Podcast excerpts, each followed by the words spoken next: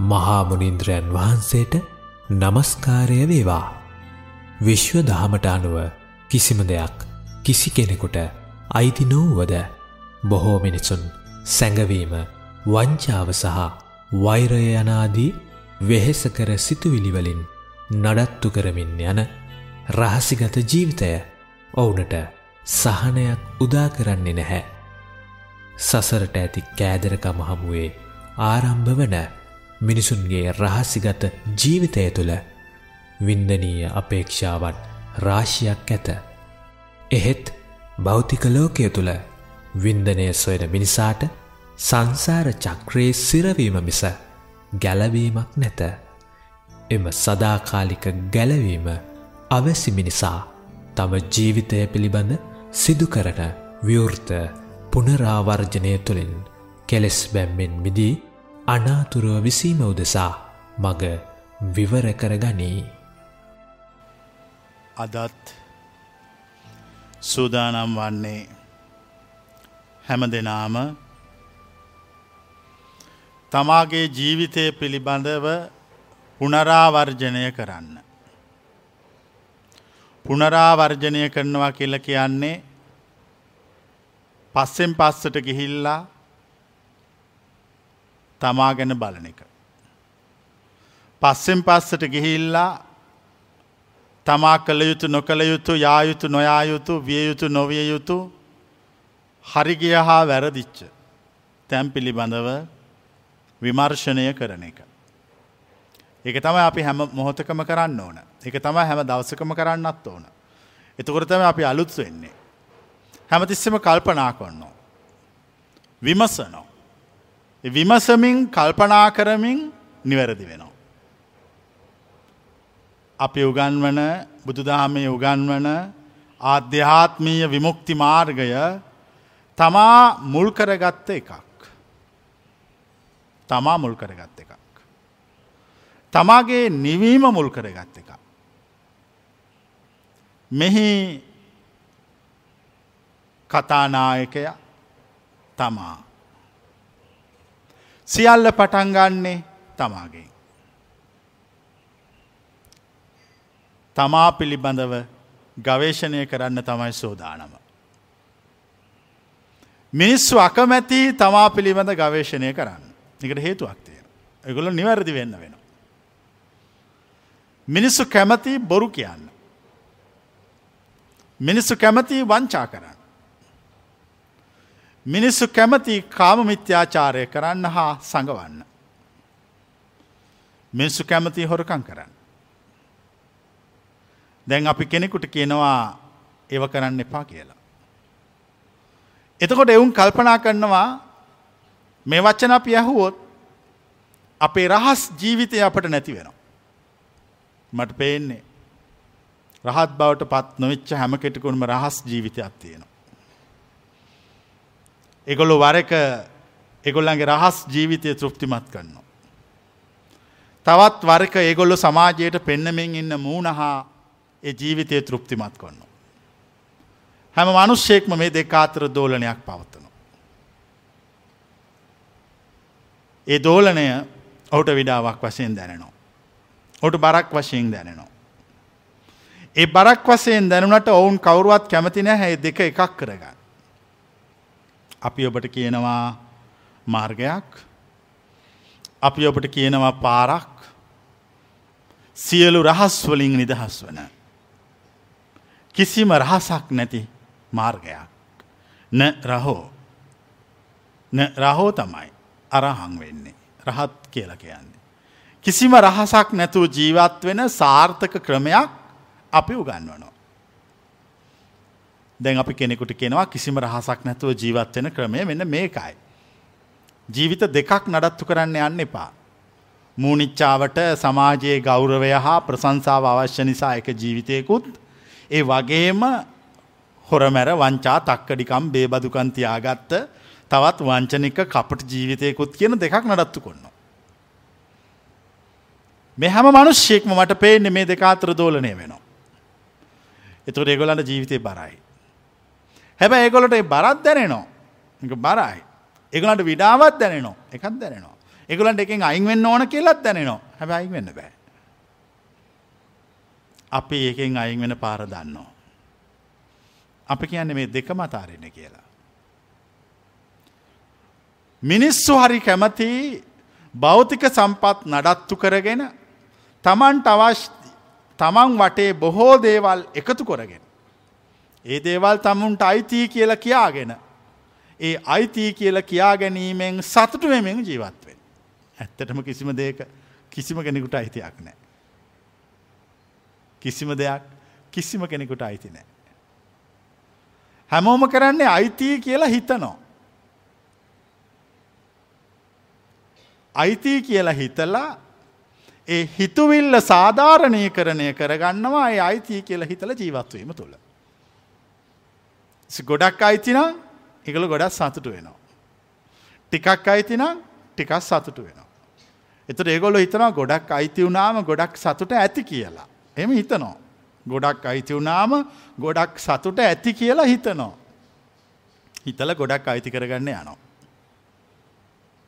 ගොඩක් අයිති වෙච්චායගෙන් ගෙහිල් අහනවා දැන් ඔපට බොහෝ දේවල් අයිති කෙනෙක් බොහෝ සම්පත් තියෙන කෙනෙක් බොහෝ ධනය තියෙන කෙනෙක් එමෙන්ම ඔබට බොහෝ සතුටක් පවතීද. ඔහු කෙනවා එම එකක් නෑ කියලා. දැන් ගොඩක් සතුට ඇති කරගන්න ගිය ගොඩක් දේවල් එකතු කරගත්තේ සතුට ඕන නිසානේ එකතු වෙලා ඉවරණකොට සතුට නෑ.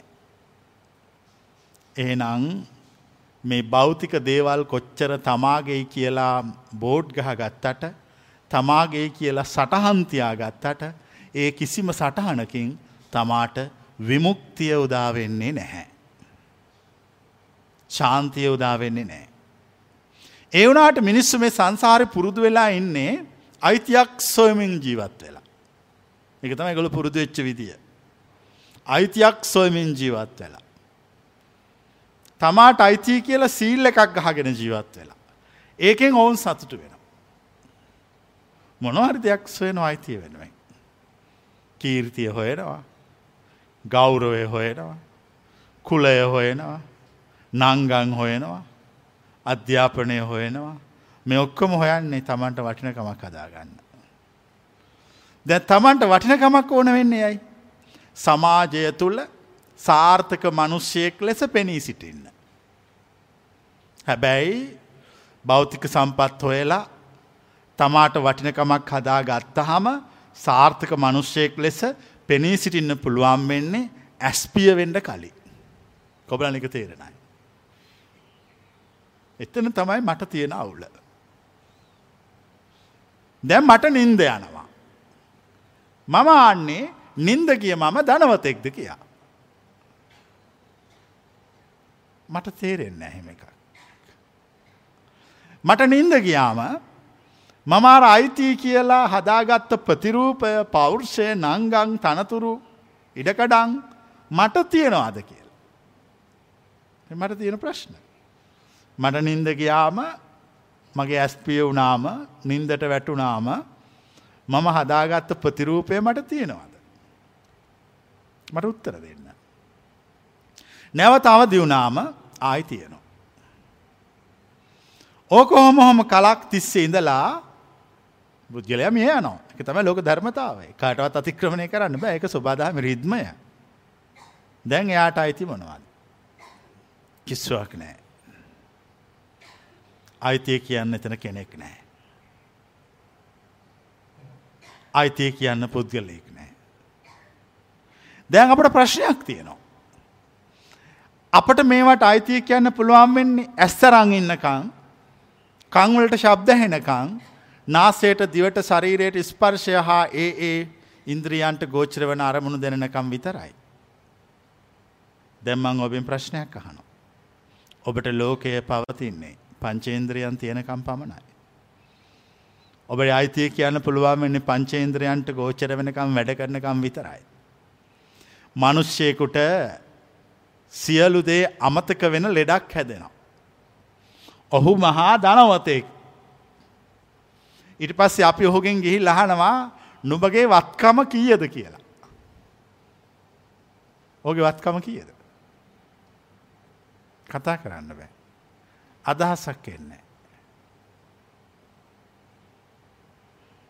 මිනිස්සු මේ භෞතික ලෝකයේ ජීවත් වෙනකොට හිතනවා මේ භෞතික ලෝක ඇහැට පේන දේවල් කනට ඇහෙන දේවල් නාසයට දැනෙන දේවල් දිවට ශරීරයට දැනෙන අරමුණු සත්‍යය කියලා හිතනවා.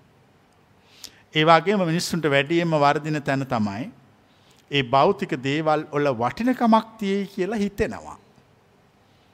වටිනකමක් තියයි කියලා හිතෙනවා. ද මේ ඔක්කොට මෙම හිතනවා.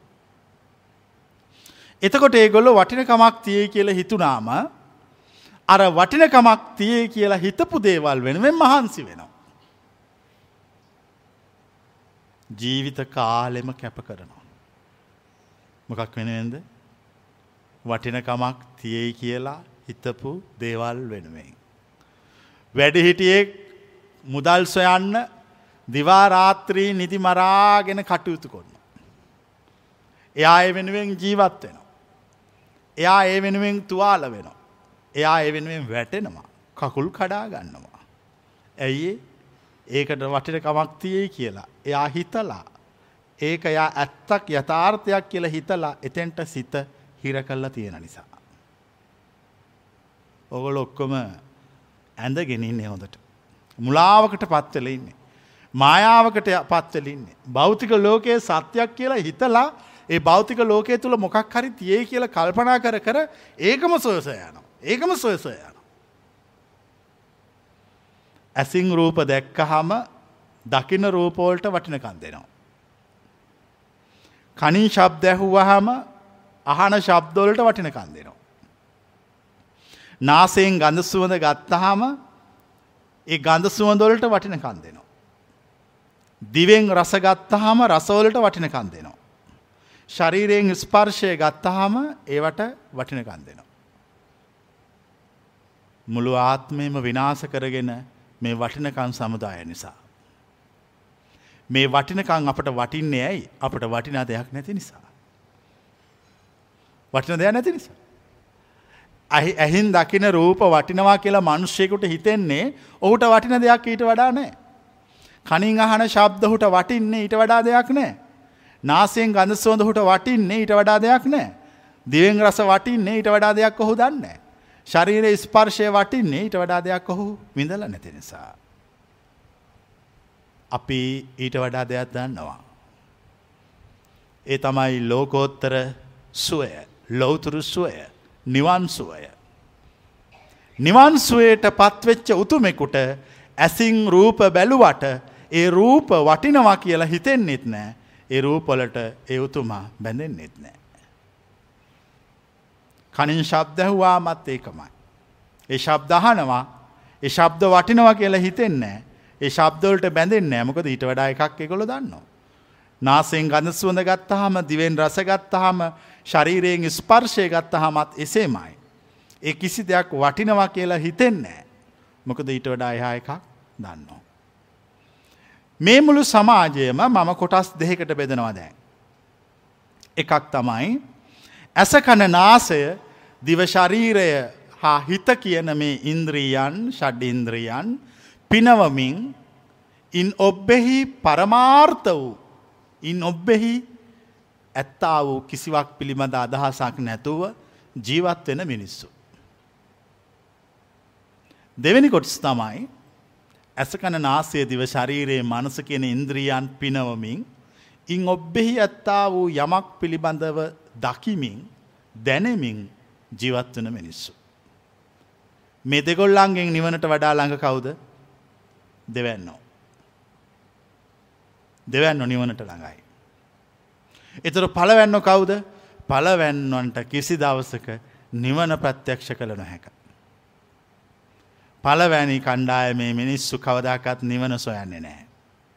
ඒ මිනිස්සේ භෞතික ලෝකයේ තුළ කාල්ගාමින් ජීවත් වෙනවා. දැ මේ අයගේ ජීවිතය වැඩිම කාලයක් මේ භෞතික ලෝකෙත් එක්ක හැප්පුුණා. භෞතික ලෝකෙත් එක බැඳීම් මදාගත්තා. භෞතික ලෝකයට ආදරය කළා. භෞතික ලෝකයට වෛර කළා. ඒ වගේ වාධ්‍යාත්මය ලෝකෙ බල්ලට දැම්ම. ඔත්තන තම අපට වැරදිසි තැන. මේ භෞතික ලෝකෙ දේවල් අල්ල ගනිමින් ආධ්‍යාත්මය ලෝකෙ බල්ලට දැම්ම. ඒකැන මේ භෞතික දේවල්ලෝට වටිනකන් දෙමින් ඒවා ආරක්ෂා කර කර හිටියා. ගෙවල් දොරවල් ආරක්ෂා කලා. ඉඩකඩන් දූදරුව නෑහිත මිතුරුකං ආරක්ෂා කළා. සමාජ සම්බන්ධතා ආරක්ෂා කළා. ඒවා පණමෙන් රැකගත්තා. හැබැයි හිත රැක ගත්තේ නෑ.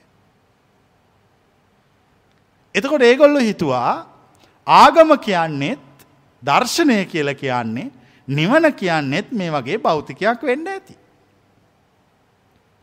ඒ හිතපු මෝඩ රැල අර භෞතික දේවල් රකින පුරුද්ධට දර්ශනය භෞතික දේවල් කියලා හිතලා ආයාගමේ නාමයෙන් භෞතික දේවල් හදාගෙන රැක්ක. මොනොද රැක්කේ. බෝගස් රැක්ක. පිළිම රැක්ක. චෛත්‍ය රැක්ක. කරඩු රැක්ක. ඉඩකඩන් දේපොල රැක්ක. එගොල්ල හිතුවව රැකගෙන හිටියාම ඒක විමුක්ති මාර්ගය කියලා. ඒක විමුක්ති මාර්ගය නෙමෙයි බෝගස් චෛත්‍ය පිළිම සාංගික දේපල ඉල්ළඟට කෙත්වතු ධාතු කරඩු පුරාවස්තු රැකගෙන සිටීමේ ක්‍රමය බහිරෝ මාර්ගයයි. විමුක්ති මාර්ගයයි බහිරෝ මාර්ගයයි කියලා අපි දෙකක් දන්නවා. එ දෙකෙන් අපි කියන්නේ විමුක්ති මාර්ගය වඩව් කියා මිසක් බහිරව මාර්ගය වඩව් කියා නෙමෙයි. හැබැයි අනාර්ය පර්යේෂණය කරන අනාර්ය පර්යේෂණය කරන කියන මහ බර වචන තේරුම භෞතික සම්පත් තමයි ජීවිතය කියලා විශ්වාස කරන මෝඩ මිනිස්සු. එකතම අනාර්ය පර්යේෂණය ගොල්ල හිතනවා දේපල හොඳයි දූදරුවෝ නෑහිත මිතුරුකං තමන්ට හදාගන්න ගෞරවය තත්ත්වය කීර්තිය ඒවා ඕන එව හදාගණ්ඩ ඕන එකොළො අනාර්ය පර්යේෂණයක් කරනවා. ඒගොල්ලො අර බහිරව මාර්ගය ගමන් කොන්න. බහිරවැගි කරන රකින එක. ආරක්ෂා කරන එක. බහිරව ඇයිට වඩාමකුත් දන්නේ. හැබැයි බුද්ධාදී ආර්යන් වහන්සේලා ඒ බහිරව මාර්ගය ප්‍රතික්ෂේප කරනවා. බුද්ධාදී ආර්යන් වහන්සේලා විමුක්ති මාර්ගයක් පෙන්වනවා. ඒ විමුක්ති මාර්ගයේ උන්වහන්සේලා එකම එක දෙයයි පෙන්වන්න. ඒ තමන්ගේ හිත හදාගණ්ඩ විදිය විතරයි. දැන් කෙනෙකුට ඕන වෙනවා තමන්ගේ ආධ්‍යාත්මය පාරිශුද්ධ කරගණ්ඩ. පංචකාම ලෝකයේ කම් සැපමිදින මනුෂ්‍යයකුට ආධ්‍යාත්මය පාරිශුද්ධය ගැන කිව්වට තේරෙන්නේ නෑ. ඒ ආශ්වාදය විඳපු මිනිහා ආදීනවය දැකිය යුතුමයි.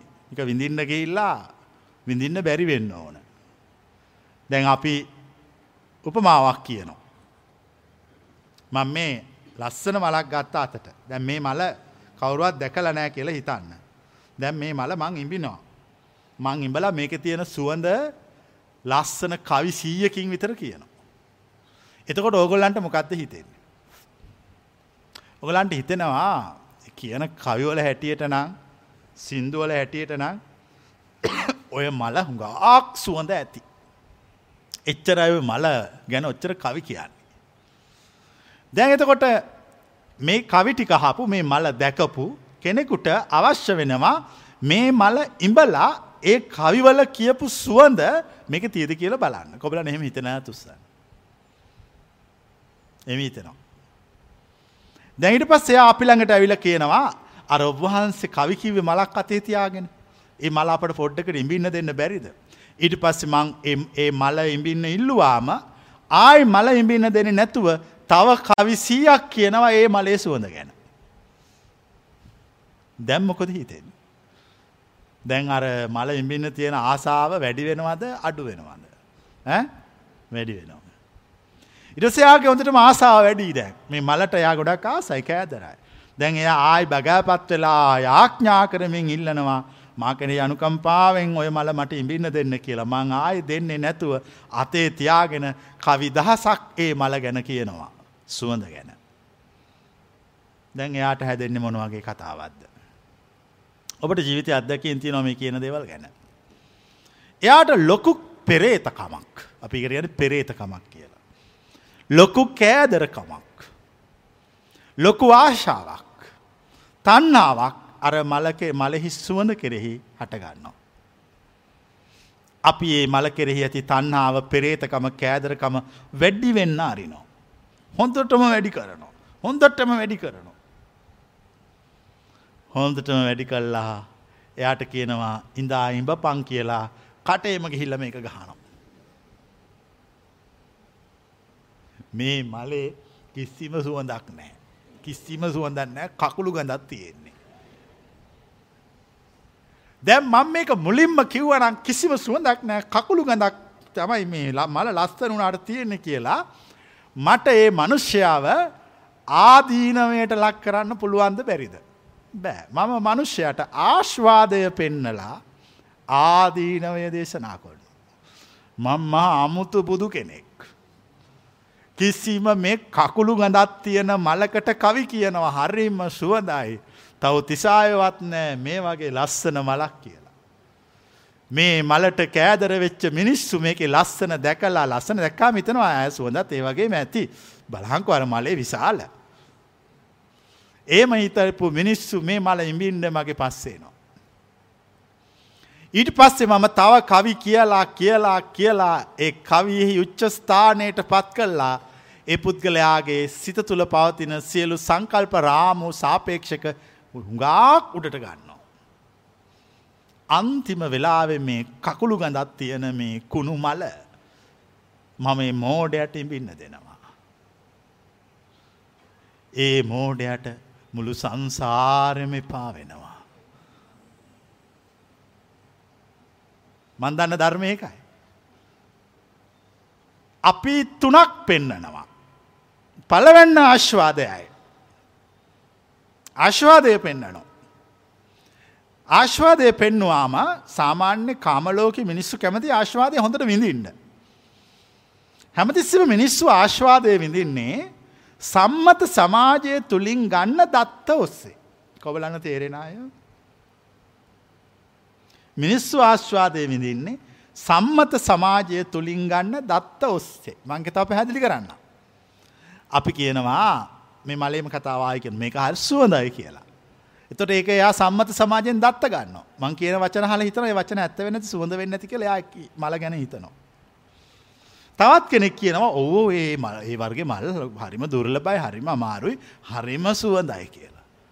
සම්මත සමාජයෙන් දත්ත අරගෙන මේ ලෝකය හදනවා හදලිවර වෙලා ඒ සම්මත සමාජයෙන් ගත්ත දත්ත ඔස්සේ විඳින්න යනවා. සම්මත සමාජයේ දත්ත මතකතියාගෙන විඳින්න ගියාට ඒ අහපු විදියට විඳින්න බෑ. කොබලන එක තේරෙනයි.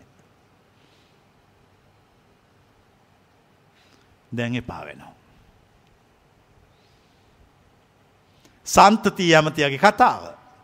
කොසල් රජ්රාන්ගේ ඇමතිය හිටිය සන්තති කියලා. රජ්ජුරෝ රජකම දුන්න දවස් හතකට.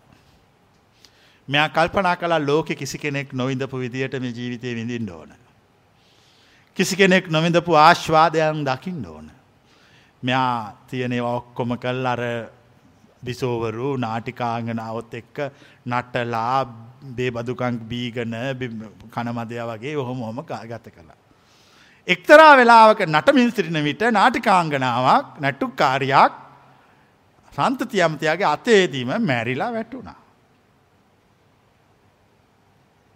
ඔහු රහත් වනා. කොබලන්නේ කතාව තේරෙන අය. ඕනම ලෞකික දේකට ඕනුවට වඩා සාපේක්ෂක හිත තුළ හදල හදල හදල හදල හදලා. සමාජ සම්මත ඔස්සේ ඒ ගැන අහල අහල අහලා ඉවර කරලා ඒක විඳින්න ගිහාම ඒක තුළ ඒක නැත්තං අපි කියන අධ්‍යාත්මය විමුක්ති මාර්ගය තේරෙනවා. ඒකයි මම කිව්වේ මං මිනිස්සුන්ට ආශ්වාදය පෙන්වනවා. මං මිනිස්සුන්ට ආශ්වාදය පෙන්නන්නේ ඇත්‍ර මට උන්ට ආදීනවේ දක්වන්න අවශ්‍ය නිසා.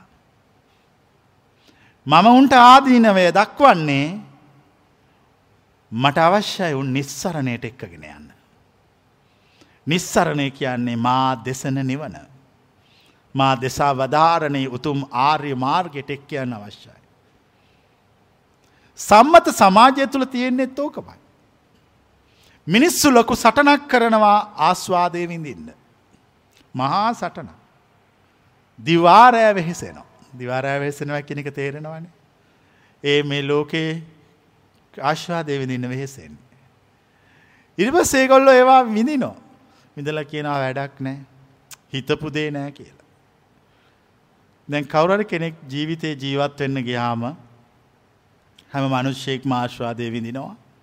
ඒ විඳිනකොට ඒ ආශ්වාදය විඳින මිනිස්සුන්ට සමහරයට තේරෙනවා අපිට ඕන දේ ලැබෙන්නෑ කියලා.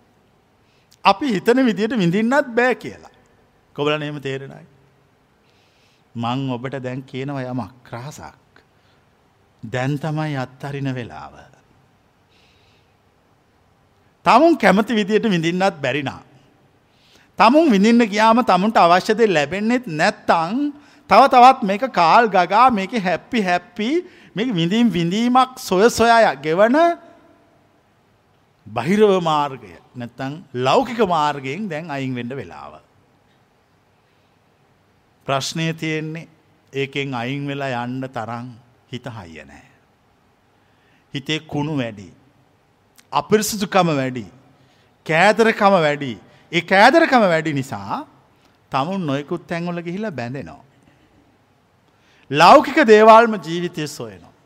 කිසිම ලෞකික දෙයකින් කිසිම කෙනෙකුට සදාකාලික ශාන්තියක් උදා වෙන්නේ නෑ. සදාකාලික ශාන්තියක් උදා වෙන්නේ නෑ. සදාකාලික ශාන්තියට පත්වෙන එකම එක මාර්ගයක් අපි දන්නෝ ඒ තමයි ශුද්ධ වූ පරිශුද්ධ වූ විමුක්ති මාර්ගය. ඒ විමුක්ති මාර්ගය තුළ තියෙන්නේ නිස්සරණය නිවන තියෙන්. පංචකාම සම්පත් ඉක්මවාගිය සුරතාන්තය.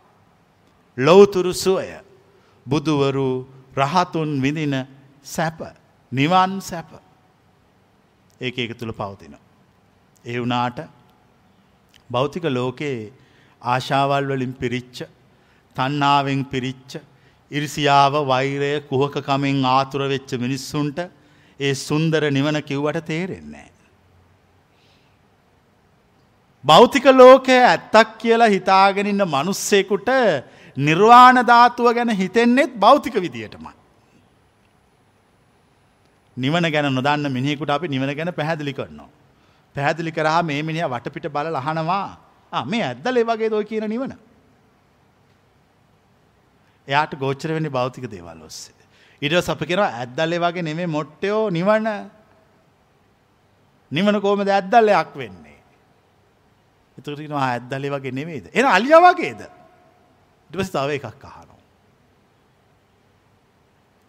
ආශ්වාදය විඳලා ආදීනවය දැකපු නැති කෙනෙකුට කිසි දවසක නිස්සරණය ගැන කරන්න කතාව බොරුවක්. මම ඔබට කියනවා ජීවිතයේ ආශ්වාදය විඳින්න කයා. මම කියන ආශ්වාදය විඳින්න කයා. ලස්සන දෙවල් දිහා බලන්න. හොඳ සුවද දේවල් ඉම්බින්න. හොඳ රස කෑම කන්න. හොඳට සැපට ජීවත් වෙන්න. නමුත් ඔගොල්ලෝ බණහන කිසිීම කෙනෙක් කවදාකවත් මේ කතාව කියන්නේ නෑ. මෙමං දැන් කියපු කතාව කියන්නේ. ඇයි කියන්න ඇත්තේ. එහෙම කිව්වොත් ඒගොල්ලන්ගේ බනේ ඉවරයි. ඒගොල්ලගේ බනේ ඉවරයි ඉතින් යාට කියන්න බෑ. අපි කියනවා අපි මේක හරි එක දන්න නිසා අපි කියනවා ආශ්වාදය දකින්නේ නැතුව ආදීනවය පෙනෙන්නේ නැති බවත් ආදීනවය නොදකින කෙනාට නිස්සරණයට පත් නොවිය හැකි බවත්. හැම දාම ලෝකෙ නිවන් දැක්කේ මහා සිල්රදි පෙරෝගෙන හිටපු සුචරිතවාදී සීලවන්තයෝ නෙමේ. ජීවිතයේ රස්තියාදුකාපු රස්තියාදුකාර ප්‍රඥාවන්තයෝ. කවුද නිවන් දැක්කේ. රස්තියාදුගහමින් ගිය රස්තියාදුකාර ප්‍රඥාවන්තයෝ. සිල්රදි පෙරවාගෙන හිටපු පූන නූලදාගෙන සිල්රදි පෙරෝගෙන හිටපු බ්‍රාක්්මණයෝ තාමත් ඉන්දියාව සිල් රකිනවා. නිවන් දකින්න බැරුව. ඒත් ජීවිතය විඳින්න ගියපු මිනිස්සු විඳවීම දැකලා. ආශ්වාදය විඳින්න ගියපු මිනිස්සු ආදීනවය දැකලා නිස්සරණයට පත් වනා. නිස්සරණයට පත් වනා. අපි කතා කරන්නේ විනයධරයන්ටවත් ධර්මධරයන්ටවත් නෙවෙයි. අපි කතා කරන්නේ සුචරිතවාදීන්ට නෙමෙයි අපි කතා කරන්නේ නිදහසේ ජීවත් වෙන මිනිස්සුන්ට. නිදහසේ ලෝකයේ දෙස බලන මිනිස්සුන්ට. නිදහසේ කාලබීල සන්තෝසෙන් ඉන්න මිනිස්සුන්ට අපි ආමන්ත්‍රණය කරනවා. සුචරිතවාදීන් අපේ දහම් සභාවෙන් පන්නා දමනෝ. සීලවන්තයන්ට දහම් සභාවේ අපි පුටතියන්නේ නෑ. විනය දරයන්ට හා ධර්මදරයන්ට අපි කියනවා කුස්සියට ගෙහිල්ලා තේබී පල්ල කියලා. උසස්කුලේ ගෙදරකට ආවාම පහත්කුලේ මිනිස්සුන්ට කිසි දවසක හොඳ තැනක් වාඩිවෙන්න හම්බවෙන්නේ නෑ. ඒ වගේ තමයි අපේ මේ දහම් සභාව අපි හැමදාම ඉඩහදන්නේ ජීවිතයේ විඳින්ඩ ගිහිල්ලා විඳවීම තේරුම් අරගෙන ගැලවීම සොයන මිනිස්සුන්ට පමණයි. ඒ මිනිස්සුන්ට අපි පුටු තියල තියෙන්නේ හැම තැනම ඕනම වෙලාවක. සැබෑවට සුචරිතවාදීව සීලවන්තව සදාචාර සම්පන්නව ධර්ම දරව විනය දරව පැමිණෙනු සියල්ලන්ටම කුස්සිය පුටු දහයක් තියෙනවා. අඩුකුලේ මිනිස්සුන්ට පුටු පනවල තියෙන්නේ කුස්සියේ. උසස්කුලේ මිනිස්සුන්ට පුටු තියල තියෙන්නේ ගේ මැද සාලේ.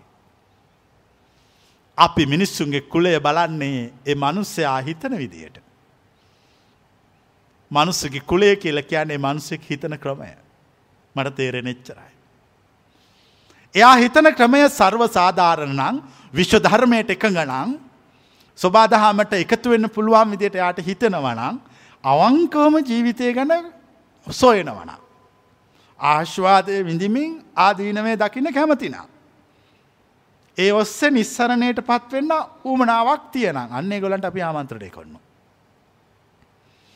බොරු සුච්චරිතවාදී වෙලා සිල්රදි පෙරෝගෙන ඔල්ලු ඉඳල වහගෙන අත් දෙක බැඳගෙන බිම බලාගෙන තියනු තියන සියල්ලු ජඩ වැඩ වල් වැඩ බලු වැඩ කරගෙන.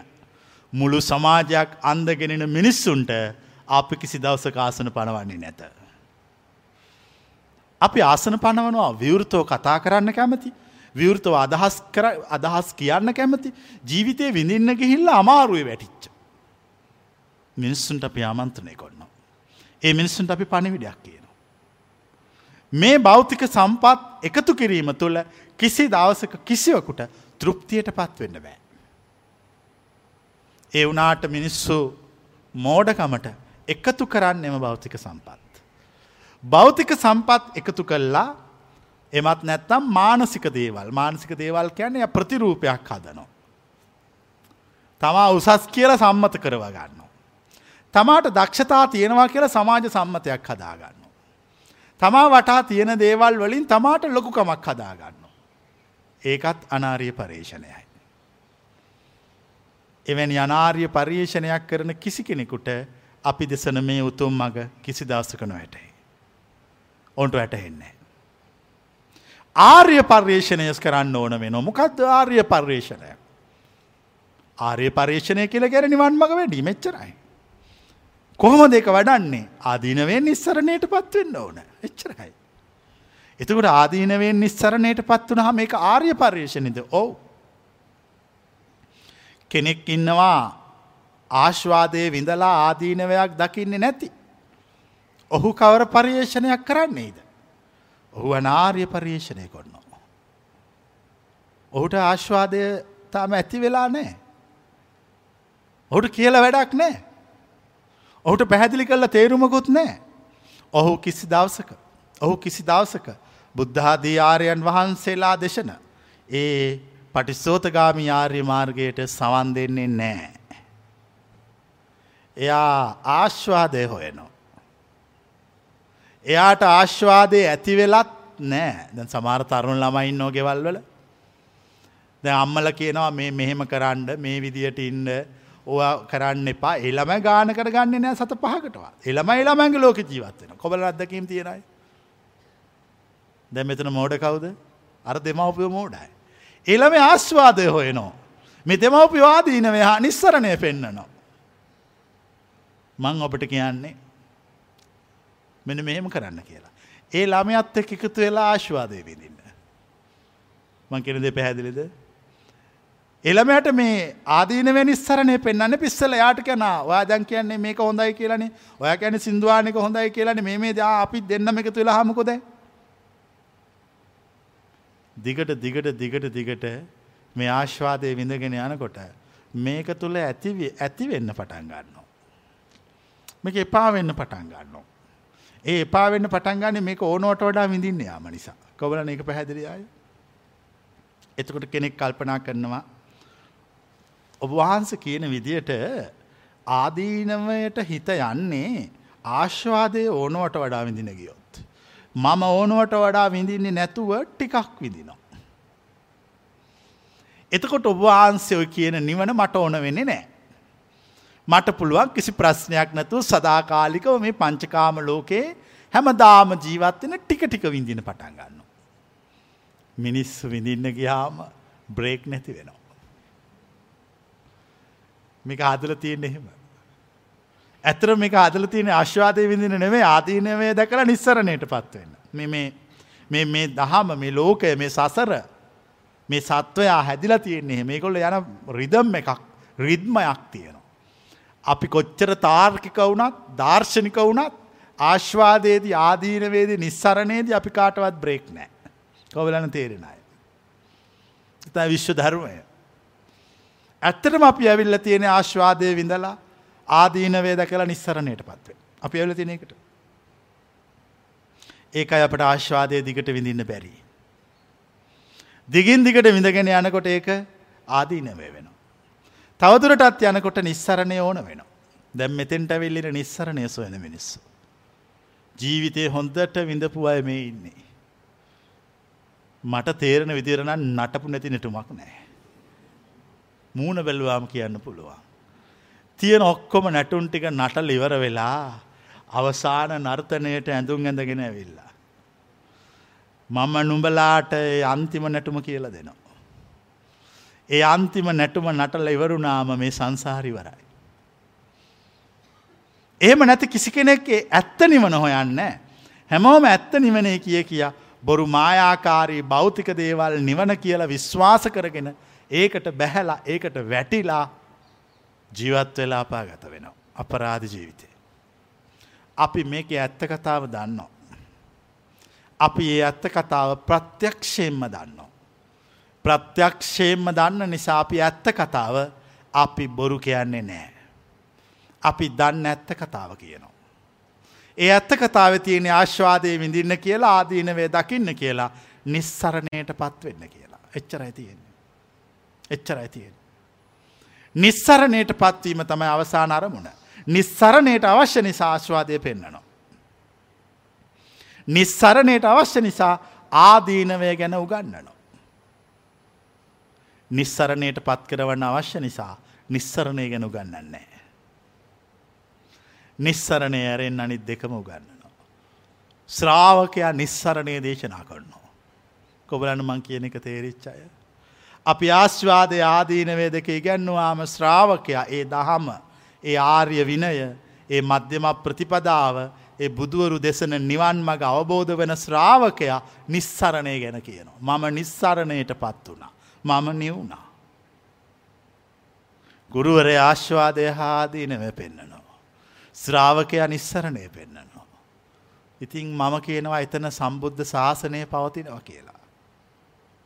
ඒ ඒ සම්බන්ධතාවය උඩ සම්බුද්ධ ශාසනය පවතිනෝ.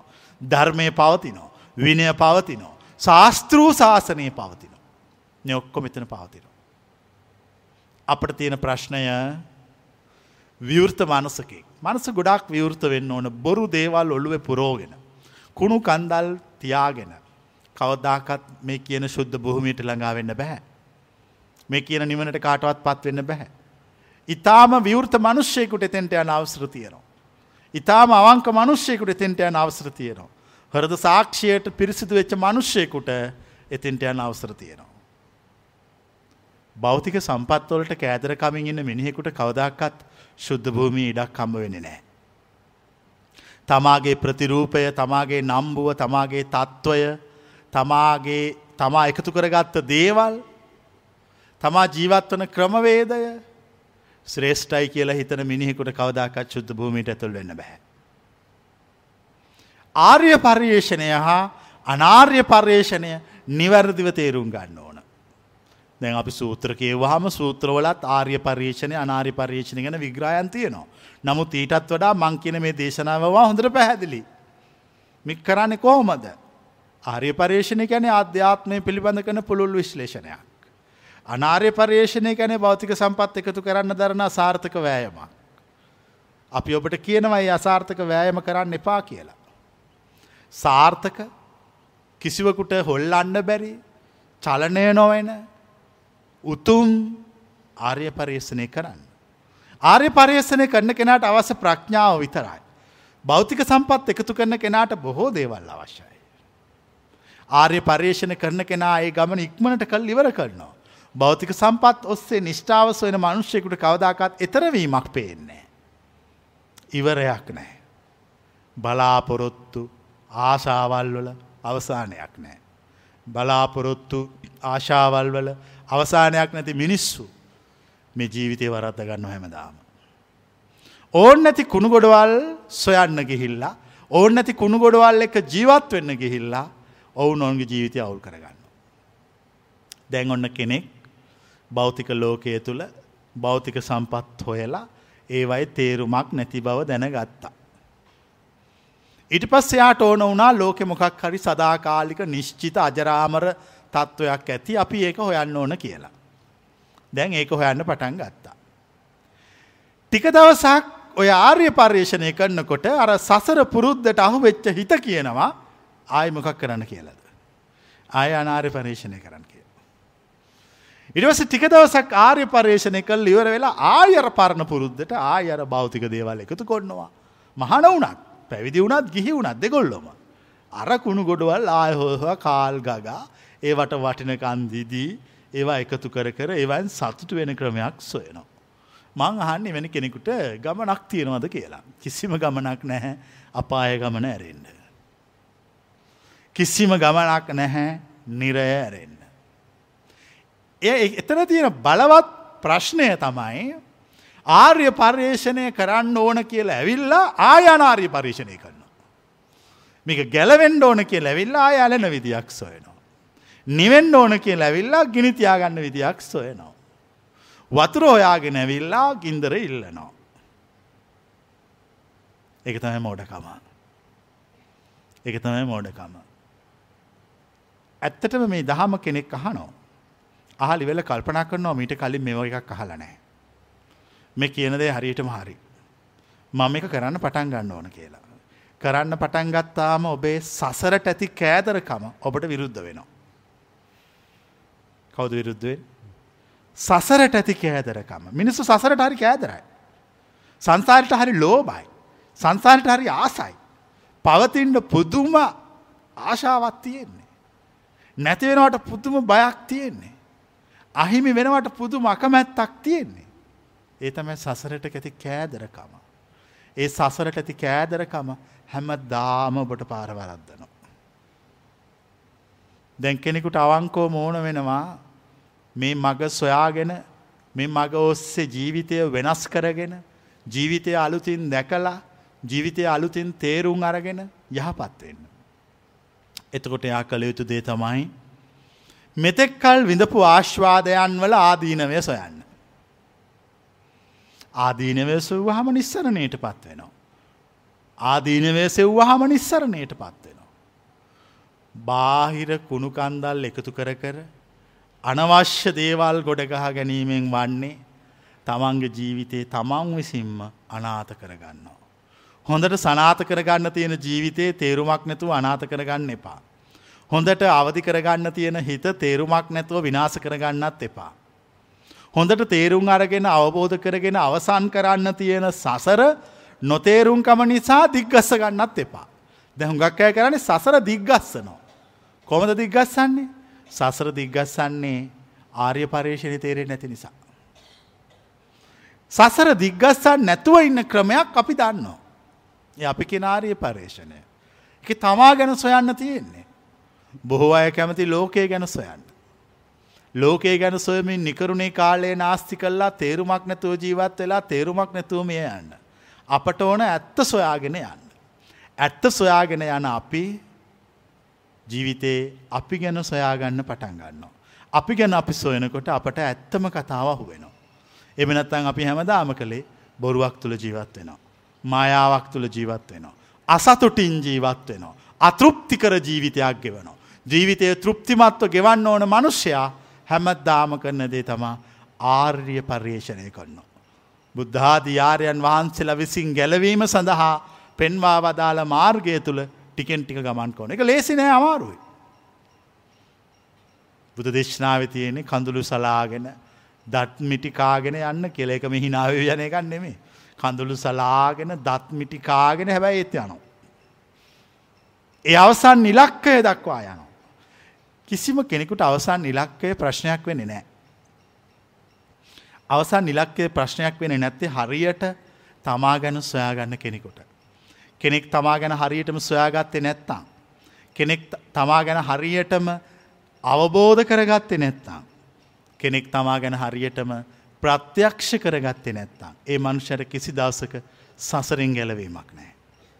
සසර දුක නිවන්න කැමති ගැලවීම සොයන මනුෂ්‍යයා හැමදාම කරන එක තමා තමාගේ මුක්ති මාර්ගය සොයනවා.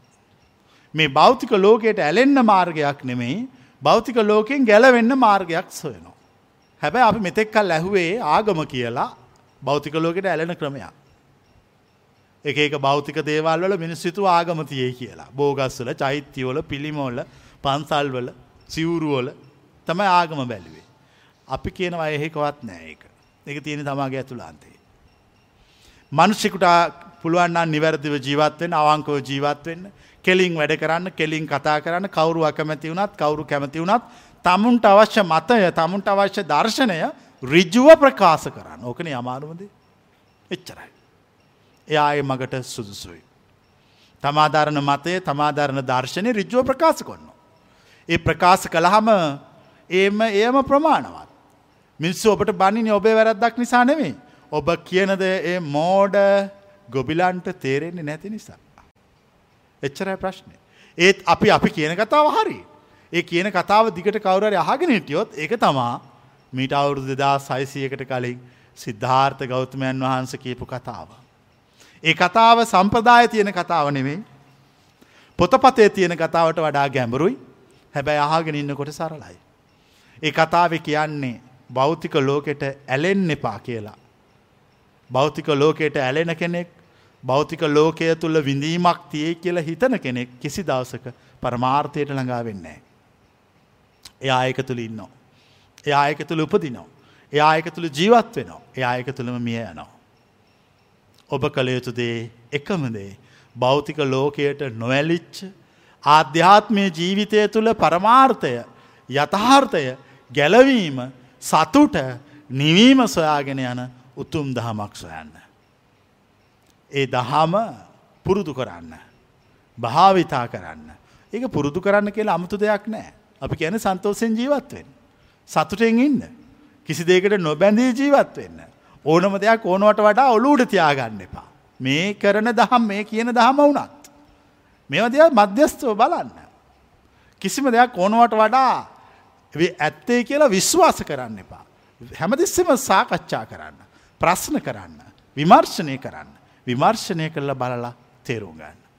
එතොර්තම අපට ජීවිතය ගැන තේරෙන්නේ. මිනිස්සු නැත්තන් ජීවිතය ගැන තේරුම් ගන්න නැතුව නොයකුත් මෝඩ වැඩ කල්ලා. මෝඩ වැඩ. ඒ මෝඩ වැඩ ඔස්සේ ජීවත් වෙලා.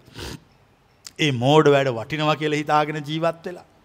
අපරාධ වටිනා මනුස්ස ජීවිතය අවුරුදු හැත්තෑවක් අසුවක් නිකාං කාලදාලා මැරිලා පාගත. මං එකට විරුද්ධයි. මං කියන්නේ මනුෂ්‍යයකුට ආවුෂදීලා තියෙන්නේ ආශ්වාදය විඳලා. ආදීනවයක් දැකලා. නිස්සරණයටත් පත්වෙන්න එක්කමයි. කොබලන එක පිළිගන්න අය. මන්දන්න එක. මනුස්්‍යයකුට ආවුෂදීල එවන්නේ ගණන් හදලා මේ ටික ඇතියාට විස්සි අට්ටයි. හැත්ත දෙකයි. හතලිස් නමයයි. පනස් තුනයි ඇති ඇති. පලයන්ද. ඒ වයසද යාට ආශ්වාද විඳින්නත් පුළුවන්. ආදීනවේ දකින්නත් පුළුවන් නිස්සරණයට පත්වෙන්නත් පුළුවන්. අවුරුදු සිය ගණන් ජීවත්වෙන්න ඕන්නෑ. සැරියුත් මහරහතන් වහන්සේ අවුරුදු හැටක්කත් ජීවත් වන්නෑ පනස් පහයි මනස් ගානයි. ඒ වනාට ආශ්වාදයවින්ද ආදීනවේ දැක්ක නිස්සරණයට පත් වුණ. ති එක් කර ගන්න. එක් කර ගන්න. ඒම නැත්තං ඕගොල්ල කරන්න මොකක්ද මේ බෞතික ලෝකෙට ඇවිල්ලා මේ බෞතික ලෝකෙ තියෙන කුණු කන්දල් එකතු කර කර ඒවා වෙනස් කර කර මාරු කර කර ඒවත් තුළින් ජීවිතය හොය හොය ඒක ලබාගන්නත් බැරුව අපරාධ නිකං ජීවිතය නාස්ති කරගෙන මැරිලා අපාගත වෙන. මැරිලා අපාගත වෙන. ජීවිතය අලුත් විදියට දකිින්ඩ නව විදියට දකිින්ඩ හැමතිස්සම සන්තෝසින් ජීවත්වෙන්න මොකක් හරි දෙයක් කළොත් හරියටම කරන්න එක බාගෙට කාලට තුන් කාලට අරික්කාලට කරන්න යන්න එපා. ඒක කල්ලා හොඳහන්න ලෑස්ත් වෙන්නත් එපා කැමති කෙනෙකුට කැමති දෙයක් කියන්න පුළුවන් අපේ විදිය මේකයි. අපේ විදියෙන් තමුන්ගේ පෞරුෂය තියාගන්න. පෞරුෂය තියාගන්න. පෞරුෂ හීන මනුස්සයෙක් ලෙස සමාජයේ ජීවත් වෙන්න යන්න එපා. පෞරුෂය තියාගෙන ජීවත් වෙන්න. රජ කෙනෙක් පාරයනෝ. මිනිහෙක් කියනවා රජතුමනි ඔබ ලස්සන ඔබේ ඔටුන්න ගැලව්වාම කියලා. රජ්ජුරෝම කක් කරයිද. අනේ පලයම් බූරුව යන්න කියලා ඒ මහා රජ්ජුරුව ඔටුන්න දාගෙනම යනවා. එයා එහෙම කියන්නේ යාට ඔටුන්නක් නැති නිසා. කවලන මේ කතාව තේරෙන අය. ඕගොල්ලො නංහින් යටහිතින් හිතනවා යටහිතින් හිතනවා ඒමනිය කියපු කතාවත් ඇත්තත් තියෙන පුළුවන් කියලා. අපට එම හිතෙන්නේ මං කෙනෙක තේරෙනවාද? අපට එම හිතෙන්නේ මොකද අපට යටහිතකුත් නෑ යටහිටත් තියෙනෙ උඩු හුතත් තියෙනන්නේ. උඩ උඩු හිතක් උඩු හිතකුත් නෑ දෙකෙන්ම නිදහස්. ඒක තම රහත් කියන්නේ. උඩු හිතත් නෑ යටි හිතත් නෑ එනිසා මේ ජීවිතය හරි ලේසි අපට ඕන විදිය තමයි අපි ඉන්න විදිය. ඒක කවුරු කැමති වුණත් අකමැති වුණත් ඒක තමයි විදිය. පැහැදිලිද. ඔන්න ඔය හයිය ජීවිතයට තියාගන්න. එතකොට කිසිම කෙනෙක් ඔබ පාලනය කරන්න එන්නේ නැහැ. ඇයි කිසිම කෙනෙකුට පාලනය කරන්න බැරි නිසා. තමුන්ගේ තමුට හයිය වෙන්න පුළන් තමන්ට හොත දර්ශනයක් තියෙන්න්න ඕන. දර්ශනය නැති මිනිකුට හයිය වෙන්න බෑනේ ජීවිතය ඔක්කොම දේවල් අහිමි වුණාම තමයි වැඩිම සන්තෝස් වෙන වෙලාව. ජීවිතය ඔක්කොම දේවල් අහිමි වෙන වෙලාව තමයි වැඩිම සන්තෝසුමත් වෙන වෙලාව. මනුස ජීවිතය උපරිම තෘප්තියට පත් වෙන වෙලාව තමයි උපරිම තෘප්තියට පත්වෙන වෙලාව තමයි මැරෙන මොහොත කොබලන් වන් කිරව තේරෙන අය. තින් ඕක තම අපි කියපු කතන්දරේ. අපි යන්න මේ තෙන්ට. ඒක තමයි ආර්ය පර්යේෂණය. ඒක තමයි බුදුවරු දෙසන මග. ඒ මග කවුරරි හරියට වැඩුවොත්. ඒ මගට කවුරරි හරියට එකතුනොත් ඒකතු වෙච්ච මිනිහට ආය කවදාකත් වරදින්නේ. එමිනියා මේ ලෝක වස්සයනුත් හොඳයි පරලෝක වස්සයනුත් උත්තරීතරයි ඓතිහාසික වසයෙන් පූජනීයයි. මොකක් දන්තිමට කිව්වේ. ඓතිහාසික වසයෙන් පූජනීයයි. ඓතිහාසික වසයෙන් පූජනීයයි. මිනිස්සු වඳින්නේ ඓතිහාසිකව පූජනීය වෙච්චායට. අන්න එහෙම මිනිහෙක් වෙන්න. එහෙම වෙන්න නම් මොනවාද කරන්න ඕන කිසිම දෙයක් කරන්න එපා මං කියන දේ අහගෙන හිට පල්ලා. ඊට පස්සේ ඒක විතරක් කර පල්ලා. එතකොට ඓතිහාසික පූජනීය වෙනවා. ඓතිහාසික වෙල පූජනීය වෙනවා. ඉතිහාසගත වෙලා පූජනීය වෙනවා. ඒකට කරන්න ඕන එකම දේ තමා මේ කරන දේශනාව. ඒ ආර්ය පරේසනය. හිත හදන විදිම හිත හදනවයි කියන මා අමුතු කතාවක් නෙමෙයි ලේසිම ලේසි කතාවක් පුංචිම පුංචි කතාවක් පුංචි වැඩි නිසා පිළි නොගන්න කතාවක්. ඒ සම්මතක තියාගන්න. ජීවිතය දයා වෙනස් විදියට බලන්න. අලුත් විදියට බලන්න. කොයි වෙලාකවත් ජීවිතය පරණ වෙන්න දෙන්න එපා. පිළුම් වෙන්න දෙන්න එපා. ජීවිතේ පිළුම් වෙන්න දෙන්න එපා. මිනිස්සුගේ ජීවිතය පිළුම් වෙන්නේ දර්ශනයක් නැති වුණාම. දර්ශනයක් නැතිවෙච්ච මනුෂ්‍යයට ජීවත්වෙන්න අරමුණක් නැහැ. ඒ මිනිට ඉතුරු වෙලා තියෙන්නේ පිළුම් වෙච්ච ජීවිතයක් ඔළුව තියඥාන්. අපි ඒ පිළුම් වෙච්ච ජීවිතයට සමුදුන්නා. අපි හැමතිස්සෙ මාලුත්. අපි හැමතිස්සෙම ප්‍රබෝධයෙන් ජීවත් වෙනවා. ඉති ඒකම මදයි. ආය රහත්ද නැද්ද කිය කිය මොකෝ මිල්ලව කාල බලන්න පුළුවන් රහත් වනා මැමුල් රහ වෙනවා ඇඟ එහෙම එකක් වෙන්න ඒ කියන දේවල් හා ඒ ඉන්න විදිය තමයි ඒ රහත් බවහා ඒ සම්බෝධිය එච්චරයි. ඒ ලබපු අවබෝධය එච්චරයි. එතනින් යාමකුත් නෑ. එතනින් යමනවද තියෙන්නේ.